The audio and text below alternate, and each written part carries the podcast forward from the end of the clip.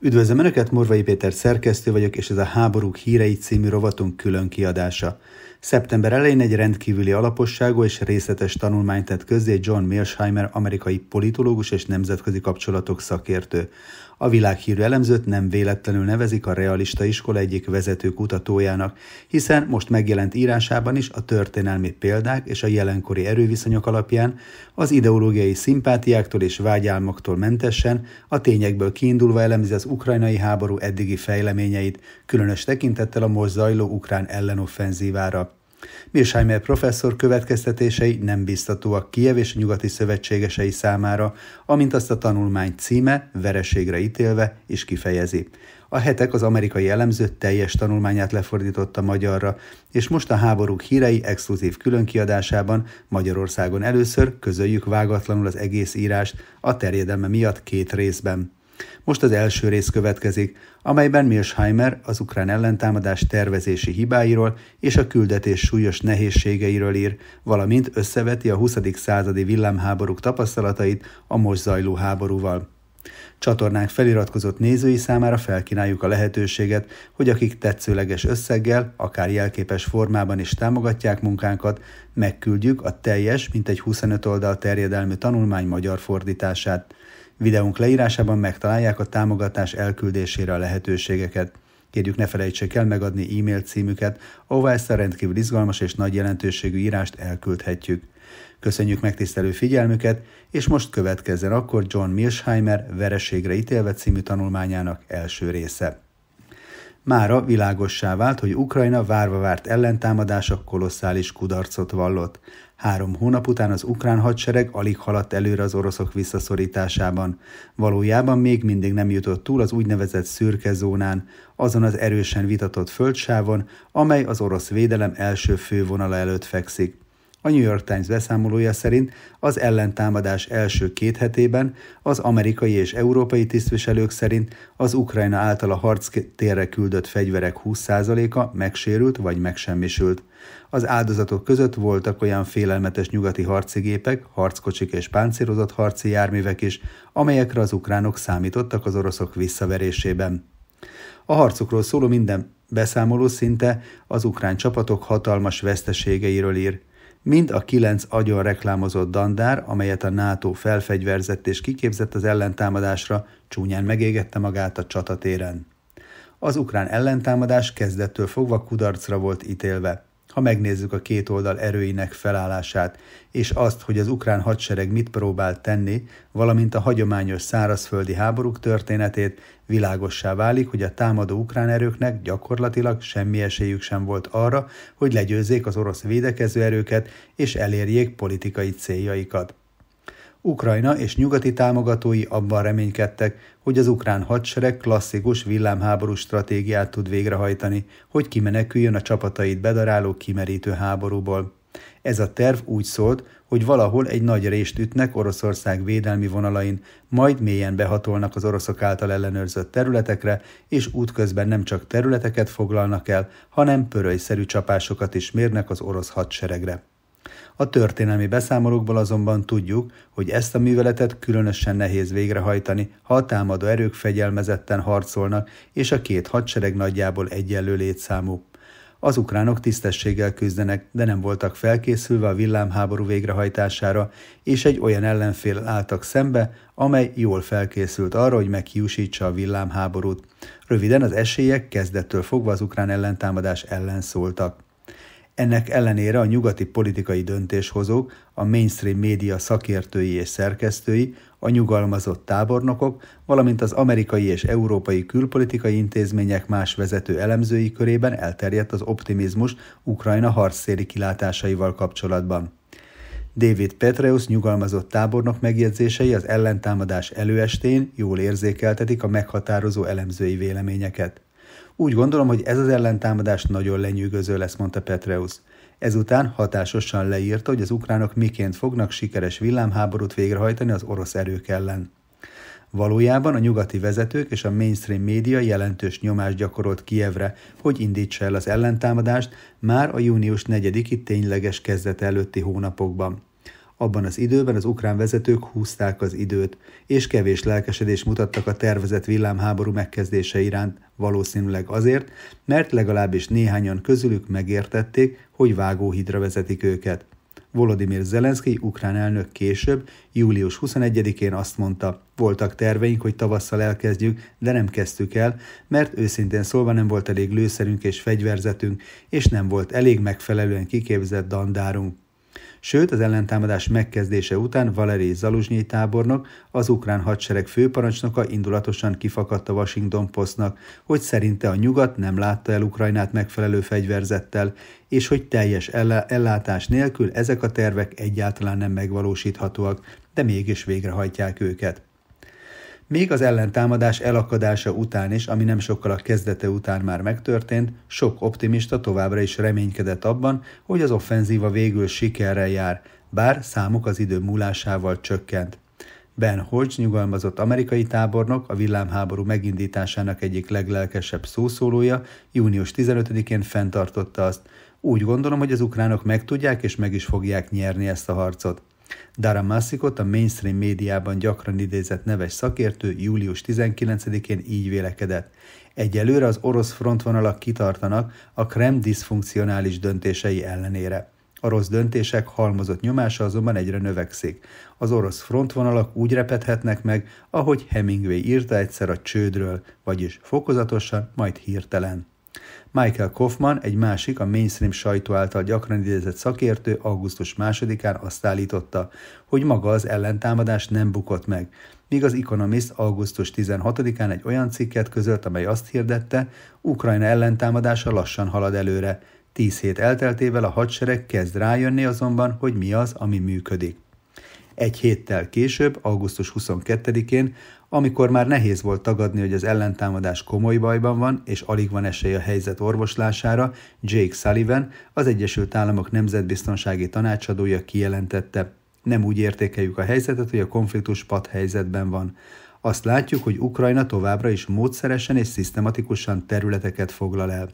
Sullivan megjegyzései ellenére a nyugaton mostanra sokan felismerték, hogy az ellentámadás kudarcot vallott, és Ukrajna arra van ítélve, hogy egy olyan kimerítő háborút vívjon, amelyet valószínűleg nem nyerhet meg, főként azért, mert a konfliktus lassan egyenlő felek harcából aránytalan harcá alakul át de Ukrajna nyugati szurkolói számára már korábban is nyilvánvalónak kellett volna lennie az, hogy az általuk támogatott villámháború kudarcra van ítélve, és hogy nem sok értelme volt arra ösztökélni Ukrajnát, hogy indítsa azt el. Nézzük akkor az ukrán győzelem elméletét. Az orosz és az ukrán hadsereg a háború 2022. februári kezdete óta szívós harcot vívott egymással. A legfeljebb 190 ezer katonából álló orosz inváziós erő jelentős mennyiségű ukrán területet hódított meg, de hamarosan létszám hátrányba került. Más szóval nem rendelkezett elegendő katonával ahhoz, hogy az általa ellenőrzött összes ukrán területet megvédje. Következésképpen az oroszok kivonták erőik nagy részét a Harkivi területről, ami lehetővé tette az ukrán hadsereg számára, hogy a maradék osztagokat legyőzze. Ezt követően a túlterhelt orosz hadsereg kénytelen volt kivonulni a Herson területnek a Nyeper nyugati partján fekvő szegletéről, amelyet az ukrán hadsereg harc nélkül foglalt el. Mielőtt azonban az oroszok visszavonultak volna, hatalmas veszteségeket okoztak az ukrán erőknek, amelyek megpróbálták őket kiszorítani Hersonból. Az egyik zászlóhaj parancsnok arról számolt be, hogy a veszteségek olyan magasak voltak, hogy háromszor kellett lecserélni az egységének tagjait. Ez a két taktikai vereség 2022 késő nyarán és őszén következett be. A Harkivi és Herszoni eseményekre válaszul Putyin 2022. szeptemberében 300 ezer katonát mozgósított, nekik néhány hónapos kiképzésre volt szükségük, mielőtt teljesen harcképesek lettek volna. Az oroszok 2022. novemberében Bakmut elfoglalására irányuló, folyamatban lévő erőfeszítéseiket is fokozták. Az ukránok válaszoltak a kihívásra Bakmutban, és a két fél hosszú és kemény csatát vívott a város ellenőrzéséért, amely végül 2023. májusának végén orosz győzelemmel ért véget. Bakmut komoly vereséget jelentett Ukrajna számára. Részben azért, mert Zelenszky elnök nyilvánosan kijelentette, hogy ő és tábornokai eltökéltek a város megtartásában, és mert Ukrajna legjobb egységei közül sokat bevetett a harcban, de ami még fontosabb, hogy Ukrajna hatalmas veszteségeket szenvedett a hónapokig tartó csatában. A helyzetet tovább rontotta, hogy a háború a következő hónapokban valószínűleg aránytalan harcá vált, mivel az oroszok körülbelül 5 az egyhez arányú előnyel rendelkeznek a lakosság számban, ami azt jelentette, hogy sokkal nagyobb hadsereget tudnak mozgósítani, mint Ukrajna, ami olyan előnyt jelentett számukra, ami a kimerítő háborúban sokat számít. Ráadásul az oroszok már akkor is jelentős tüzérségi előnyt élveztek, ami a legfontosabb fegyver egy olyan felőrlő háborúban, mint amilyen az Ukrajnában vívott háború. Sem Kijev, sem a nyugat nem rendelkezett elegendő képességgel arra, hogy ezt az egyensúlytalanságot, amely a becslések szerint valahol az 5 az 1-hez és a 10 az 1-hez között volt Oroszország javára, hogy ezt kiegyenlítse. Sőt, okkal gondolhattuk, hogy a nyugat nem maradt teljes mértékben elkötelezett abban, hogy Ukrajnának szállítsa a szükséges fegyverzetet, amely a tüzérségen kívül más eszközöket is tartalmazott, például harckocsikat, páncélozott harci járműveket, drónokat és repülőgépeket. Nyugaton egyre inkább a háborús fáradtság jelei mutatkoztak, ráadásul az Egyesült Államokban, Kelet-Ázsiában Kína olyan fenyegetést jelentett, amely nagyobb veszélyt jelentett az amerikai érdekekre, mint az orosz fenyegetés. Röviden, Ukrajna valószínűleg veszíteni fog egy elhúzódó kimerítő háborúban, mert ez egy egyenlőtlen harc. Ezért mind Ukrajna, mind a nyugat igyekezett olyan okos stratégiát találni, amely gyors katonai győzelmet hoz, és a háborút számukra kedvező feltételekkel zárja le. Ez azt jelentette, hogy Ukrajnának villámháború stratégiát kellett alkalmaznia, ami az egyetlen módja annak, hogy elkerüljék a kimerítő háború két egymással egy összefüggő fronton szemben álló egyenlő erősségű szárazföldi hadsereg küzdelmében. A villámháború ABC-je a villámháború a páncélos csapásmérő erőkben rejlő mobilitásra és gyorsaságra támaszkodik, hogy véres és elhúzódó csaták sorozata nélkül legyőzze az ellenfelet. Ez a stratégia azon a feltételezésen alapul, hogy az ellenfél hadserege egy nagy és összetett gépezet, amely arra van berendezkedve, hogy egy jól kiépített védelmi vonal mentén harcoljon. A gépezet hátuljában egy sebezhető hálózat húzódik, amely számos kommunikációs vonalból áll, amelyek mentén az információk és az utánpótlás mozog, valamint kulcsfontosságú csomópontokból, ahol a különböző vonalak keresztezik egymást. Ennek a központi idegrendszernek a megsemmisítése egyenlő a védekező hadsereg megsemmisítésével. A villámháború két fő műveletet foglal magában, egy áttörő csata megnyerését és egy mély stratégiai behatolás végrehajtását. Konkrétabban fogalmazva, a támadó célja, hogy páncélos erőit titokban a frontvonal egy vagy két meghatározott pontján összpontosítsa, ahol a védekező haderő tér aránya alacsony, és ahol a támadó számbeli fölény térhet el a védekezővel szemben. A keskeny sávban szétszórt és túlerőben lévő védelmet viszonylag könnyű áttörni. Miután a támadó egy-két rés nyitott a védekező frontvonalán, igyekszik gyorsan a védelem mélyére hatolni, mielőtt az ellenfél elő, erői meg tudnának mozdulni, hogy elvágják a behatolást. Bár a kezdeti áttörés eléréséhez szükségessé válhat egy közvetlen ütközetet vívni, nagy hangsúlyt fektetnek a további ilyen jellegű csaták elkerülésére. Ehelyett a támadó a legkisebb ellenállás útját követi mélyen a védekező hátába. A rugalmas tulajdonságokkal rendelkező harckocsi ideális fegyver a villámháború megvalósításához. A tüzérség azonban nem játszik jelentős szerepet a villámháborúban, részben azért, mert jelentős logisztikai támogatást igényel, ami akadályozza a második zászlóaj erőinek gyors mozgatását a megnyitott résbe, és általában véve is hátráltatja a mobilitást. Továbbá a nagyszabású tüzérségi ütközetekben való részvétel értékes időt pazarolna és lelassítaná az előre nyomoró páncélos erőket. A légi támogatás ezzel szemben nem jelent ilyen problémát. Tekintettel a repülőgépek, drónok és helikopterek gyors bevethetőségére, ez a repülő tüzérség kiváló ellenpárja a gyorsan mozgó páncélos erőknek. A villámháború nyilvánvalóan rugalmas parancsnoki struktúrát is követel, amely felülről lefelé olyan tisztekkel töltenek fel, akik képesek gyors kezdeményezést gyakorolni olyan harci helyzetekben, amelyek a háború köde miatt nehezen átláthatók. A villámháború nem egy merev terven alapul, amelyet a parancsnokoknak szigorúan követniük kell. Valójában éppen az ellenkezője igaz. A támadás megindítása előtt meghatározzák az átfogó célt, és részletes terveket készítenek az áttörési ütközetre. de nincsenek merev irányelvek, amelyeket a parancsnokoknak követniük kellene a mély stratégiai behatolás végrehajtása során. Az alapfeltevés az, hogy senki sem tudja teljes bizonyossággal megjósolni, hogyan fog alakulni a csata. A folyamatos bizonytalanság miatt kockázatokat kell vállalni. Nagy hangsúlyt fektetnek arra, hogy a parancsnokok képesek legyenek olyan döntéseket hozni, amelyek lehetővé teszik a páncélos erőknek, hogy az áttörés után fenntartsák a nagy előrenyomulási sebességet. A bátorság elengedhetetlen, még akkor is, ha az információk hiányosak, annak érdekében, hogy a támadó hadsereg meg tudja tartani a kezdeményezést. Végül néhány szó a villámháborúval kapcsolatos célkitűzésekről. A szokásos cél a védekező haderő egyértelmű legyőzése. Lehetséges azonban a villámháborút korlátozott győzelem kivívására is alkalmazni, amikor a védekező erőket bekerítik és megrohamozzák, de nem győzik le teljesen, és amikor a támadó a védekező területének jelentős részét elfoglalja. A nem teljes körű győzelemmel azonban az a probléma, hogy valószínűleg folytatódik a felőrlő háború. A modern háborúk, ezt hangsúlyozni kell, nem csak hajlamosak az eszkalálódásra, hanem nehezen is fejeződnek be. Így a vezetők számára ez erőteljes ösztönzést ad, hogy villámháborút alkalmazzanak, és igyekezzenek döntő győzelmet aratni a védekező hadsereg felett, és nem a korlátozott győzelemre törekedjenek. A védekező fél helyzete. Eddig arra összpontosítottunk, hogy a támadó fél hogyan hajtja végre a villámháborút. Ahhoz azonban, hogy teljes mértékben megértsük a villámháború működését és sikerének valószínűségét, elengedhetetlen, hogy megvizsgáljuk a védekező képességeit, valamint a villámháború meghiúsítására irányuló stratégiáját. A képességekkel kapcsolatos kulcskérdés az, hogy milyen az erőviszony a védő és a támadó között. Nagyjából egyenlőség áll fenn mind a csapatok létszáma, mind a fegyverzetők minősége és mennyisége tekintetében? Ha igen, akkor nyílt küzdelemre van kilátás. Ha azonban az egyik fél egyértelműen jobb harci erőkkel rendelkezik, akár minőségileg, akár mennyiségileg, akár mindkettő tekintetében, akkor aránytalan harcra kerül sor. A kétféle harc közötti különbség nagyban befolyásolja a világ, villámháború sikerének esélyeit.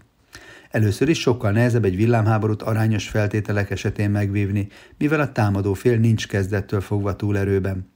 Egy sikertelen villámháború következményei jelentősen eltérnek a kétféle harcban. Ha a Blitzkrieg egy arányos küzdelemben kudarcot val, az eredmény valószínűleg egy elhúzódó, felörlő háború lesz, amelynek kimenetele nehezen megjósolható, hiszen a konfliktus egyenrangú ellenfelek között zajlik. Ha azonban egy villámháború nem arányos feltételekkel indul, a támadó szinte biztos, hogy az ezt követő háborút viszonylag gyorsan és könnyen megnyeri. Egyszerűen azért, mert jelentős anyagi előnyt élvez a védekezővel szemben. A védekező félnek a villámháború meghiúsítására irányuló stratégiája szintén alapvetően befolyásolja a végeredményt. A legalapvetőbb szinten a támadás elhárítására három különböző módon vetheti be erőit – előretolt védelem, mélységi védelem és mozgóvédelem. Az előretolt védelemnél a védekező erők nagy részét a szemben álló hadseregeket elválasztó vonalra helyezik, hogy megakadályozzák a támadó áttörését. A védekező fél a harcoló erőinek racionálisan arányos részét az arcvonal mögött helyezi el mozgó tartalékokban, amelyek gyorsan mozoghatnak, hogy egy esetleges áttörést megakadályozzanak. A hangsúly azonban a kezdeti ütközeti vonal mentén történő erőteljes védekezésen van. Ez nem jelenti azt, hogy a védő taktikailag rugalmasan helyezheti a támadó erőket a frontvonal mentén, de megpróbálhatja őket ellenőrző zónákba terelni, ahol tüzérséggel csapást tud mérni rájuk. A mélységi védelem jól védett és egymástól megfelelő távolságban elhelyezett vonalak sorozatából áll, amelyek célja, hogy a támadó hadsereget kifárassza, miközben az átverekszi magát az egyes védelmi öveken. A támadó erők számára az első védelmi vonalat is nehéz áttörni, de még ha sikerül is, nincs lehetőség a védők tartalékainak a kiiktatására és egy mély stratégiai behatolás végrehajtására. Ehelyett a támadónak egy sor statikus csatát kell megvívnia, miközben megpróbálja áttörni a védők egymást követő védelmi vonalait. A mélységi védelem ideális a villámháború meghiúsítására, erre a célra valószínűleg ez a legjobb a három stratégia közül. Legnagyobb hátránya az, hogy általában különösen nagy létszámú élőerőt igényel. A védekező fél nem maximalizálhatja a frontvonalban elhelyezett csapatok és akadályok számát, hanem gondoskodnia kell arról, hogy minden egyes védelmi vonal sűrűn be legyen telepítve akadályokkal és katonákkal. Természetesen a védekező csapatok az érintkezési vonal mentén visszavonulhatnak a mögöttük lévő védelmi vonalakra. Sok parancsnok azonban hajlamos lesz arra, hogy a csatatér legelső vonalát a lehető legtöbb katonával védje. Végül ott van a mobil védelem, amely a három stratégia közül a legmerészebb. A védő a csapatainak egy kis részét előső állásokban helyezi el, ahol némileg akadályozhatják a támadó erőket, de egyébként hagyja, hogy azok mélyen behatoljanak a hátsó területére. A megfelelő pillanatban aztán a védő saját mozgóerőinek nagy tömegét arra használja, hogy lecsapjon a behatolás szárnyaira, és elvágja a támadó erőket a bázisuktól. A támadó erőket tulajdonképpen bekerítik és elszigetelik, így könnyű célpontot jelentenek a megsemmisítésre. A mozgó védelem rendkívüli precizitást igénylő és kockázatos stratégia, különösen a másik két védelmi stratégiához képest, amelyek célja egyszerűen a támadó páncélos erők kimerítése azáltal, hogy arra kényszerítik őket, hogy jól megerősített védelmi állásokon keresztül verekedjék át magukat. A villámháború története most nézzük meg, hogy a történelmi feljegyzések miként illeszkednek a villámháború elméletét leíró elemzésekhez. A harckocsik csatatéren való megjelenése óta 11 villámháborúra került sor, amelyek közül négy arányos, hét pedig aránytalan harc volt. A támadó a négy arányos harcból egy esetben, a hét aránytalan harcból pedig mind a hét esetben sikerrel járt. Németország a második világháborúban öt nagy támadást indított. 1939-ben Lengyelország, 1940-ben Franciaország, 1941-ben a Szovjetunió, majd 42-ben ismét a Szovjetunió, 1944-ben pedig a szövetséges hadseregek ellen. A Wehrmacht nem alkalmazott villámháború stratégiát Lengyelország ellen, bár jelentős páncélos erőket vetett be a hadműveletben, egyszerűen átgázolt a lengyel hadseregen egy nyilvánvalóan aránytalan küzdelemben. Egy évvel később, 1940 tavaszán azonban a németek villámháborút indítottak Franciaországban, és döntő győzelmet arattak. Ez volt az első villámháború, és ez egy arányos küzdelem volt. A következő évben Hitler csapatai lerohanták a Szovjetuniót újabb arányos villámháborúban, amelynek a célja az volt, hogy döntő vereséget mérjenek a vörös hadseregre a Nyepertől nyugatra. Ezt a célt nem sikerült elérniük, és az offenzíva végül 1941. december elején Moszkva előtt elakadt. A felőrlő háborút elkerülendő, a Wehrmacht 1942. júniusának végén második offenzívát indított a vörös hadsereg ellen, ezúttal mélyen a Kaukázus és Dél-Oroszország olajban gazdag területei felé haladva, abban a reményben, hogy ezek elfoglalása végzetes csapást mér a Szovjetunióra. A hadjárat első hónapjaiban aratott látványos győzelmek ellenére az 1942-es villámháború nem járt sikerrel, és a Wehrmacht a keleti fronton egy felőrlő háborúba került. Végül a németek 1944. decemberében villámháborút indítottak az Ardeneki erdőben, remélve, hogy ketté szakítják és súlyosan meggyengítik az amerikai és a brit hadsereget, elfoglalják Antwerpen fontos kikötőjét, és remélhetően megadásra kényszerítik a szövetségeseket. A kezdeti áttörés ellenére ez a német offenzíva kudarcot vallott. Az izraeli hadsereg 1956-ban és 1967-ben villámháborút indított az egyiptomi hadsereg ellen. Mindkét esetben az izraeliek döntő vereséget mértek az egyiptomiakra, de egyik sem volt arányos küzdelem, mivel az izraeliek nagy fölénnyel rendelkeztek. A négy német és két izraeli eset mellett öt másik villámháború is volt. Az 1945-ös szovjet offenzíva a japán kvantunk hadsereg ellen Mancsúriában, az észak-koreai invázió Dél-Korea ellen 1950-ben, az indiai offenzíva Kelet-Pakisztán ellen 1971-ben, a vietnámi támadás Kambodzsában 1979-ben, és az Egyesült Államok vezette támadás az iraki hadsereg ellen Kuwaitban 1991-ben. Ezek az esetek, akár csak a két izraeli eset, aránytalan háborúk voltak. E rövid áttekintés rámutat arra, hogy Franciaország 1940-es eleste az egyetlen olyan harci példa, amikor a villámháború arányos küzdelemben volt sikeres, és bár ez a német győzelem a hadtörténelem egyik legsikeresebb hadjárata, a küzdelem mégis szoros volt.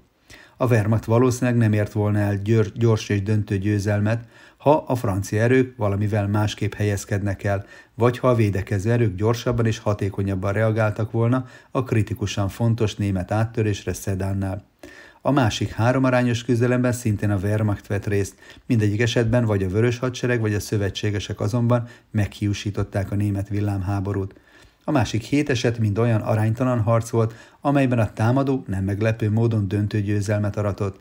Egyetlen esetben sem alkalmaztak villámháborút korlátozott győzelem kivívására. A cél mind a 11 esetben a célállam hadseregének döntő legyőzése volt.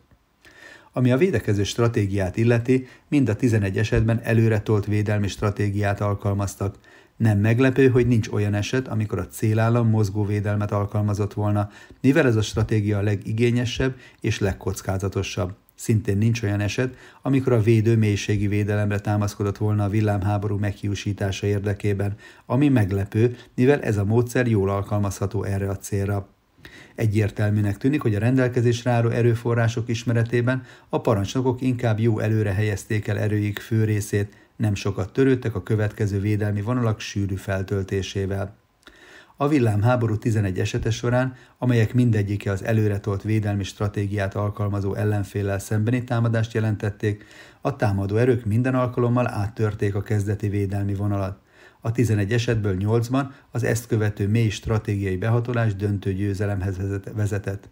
A három kivétel a Vörös Hadsereg elleni 1941-es és 42-es német villámháború, valamint a szövetségesek elleni 1944-es villámháború volt. Mindhárom esetben a védekező képes volt új védelmi vonalakat létrehozni a hátországban és kimeríteni a Wehrmachtot. Valójában mind a vörös hadsereg, mind a szövetségesek előretolt védelmi stratégiája mélységi védekezésé alakult át, ami, mint hangsúlyoztuk, ideálisan alkalmas a villámháború meghiúsítására. Ukrajna halára ítélt offenzívája. A villámháború egy rövid története, valamint egy stratégia működésének megértése jól megvilágítja az ukrán ellentámadás sikerének kilátásait. A rendelkezésre álló információk azt mutatják, hogy Kiev villámháborújának gyakorlatilag semmi esélye nem volt a sikerre. Először is Ukrajna arányos harcot vívott, ami azt jelentette, hogy szinte mindennek jól kellett volna mennie ahhoz, hogy a stratégia tervezett módon működjön. Az ukrán hadsereg azonban nem volt alkalmas egy villámháború megindítására, és ami még rosszabb, hogy egy félelmetes mélységi védelem ellen indították meg a támadást. Ukrajna egyetlen reménye az volt, hogy az orosz hadsereg összeomlik, amint az ellentámadás megindul. De számos bizonyíték volt arra, hogy az oroszok egyre jobb harcosokká válnak, és várható volt, hogy heves ellenállást fognak tanúsítani. Ráadásul, ha az ukránok is képesek lennének, még ha az ukránok képesek is lennének csodát tenni, és sikerre vinni a villámháborút, a háború akkor is folytatódna, mert Kiev villámháborújának célja nem az oroszok döntő legyőzése volt – Ukrajna ezért semmiképpen nem kerülhette azt, hogy folytassa a felörlő háborút Oroszországgal. Ez volt tehát John Mearsheimer Verességre ítélve című tanulmányának első része. A szerző a második részben részletesen elemzi az ukrán ellentámadás eddigi két hónapját és a várható kudarcból fakadó kihívásokat Ukrajna és nyugati szövetségesei számára. Ahogyan az adás elején említettem, csatornánk feliratkozott nézői számára felkínáljuk a lehetőséget, hogy akik tetszőleges összeggel, akár jelképes formában is támogatják munkánkat, azok számára megküldjük a teljes, mint egy 25 oldal terjedelmű tanulmány magyar fordítását. Videónk leírásában megtalálják a támogatás elküldésére a lehetőségeket. Kérjük ne felejtsék el megadni e-mail címüket is, ahová ezt a rendkívül izgalmas és nagy jelentőségű írást elküldhetjük. Köszönjük megtisztelő figyelmüket és támogatásukat, várjuk vissza Önöket a második részre is, amelyet holnap teszünk közzé. Addig is szép hétvégét kívánok mindenkinek!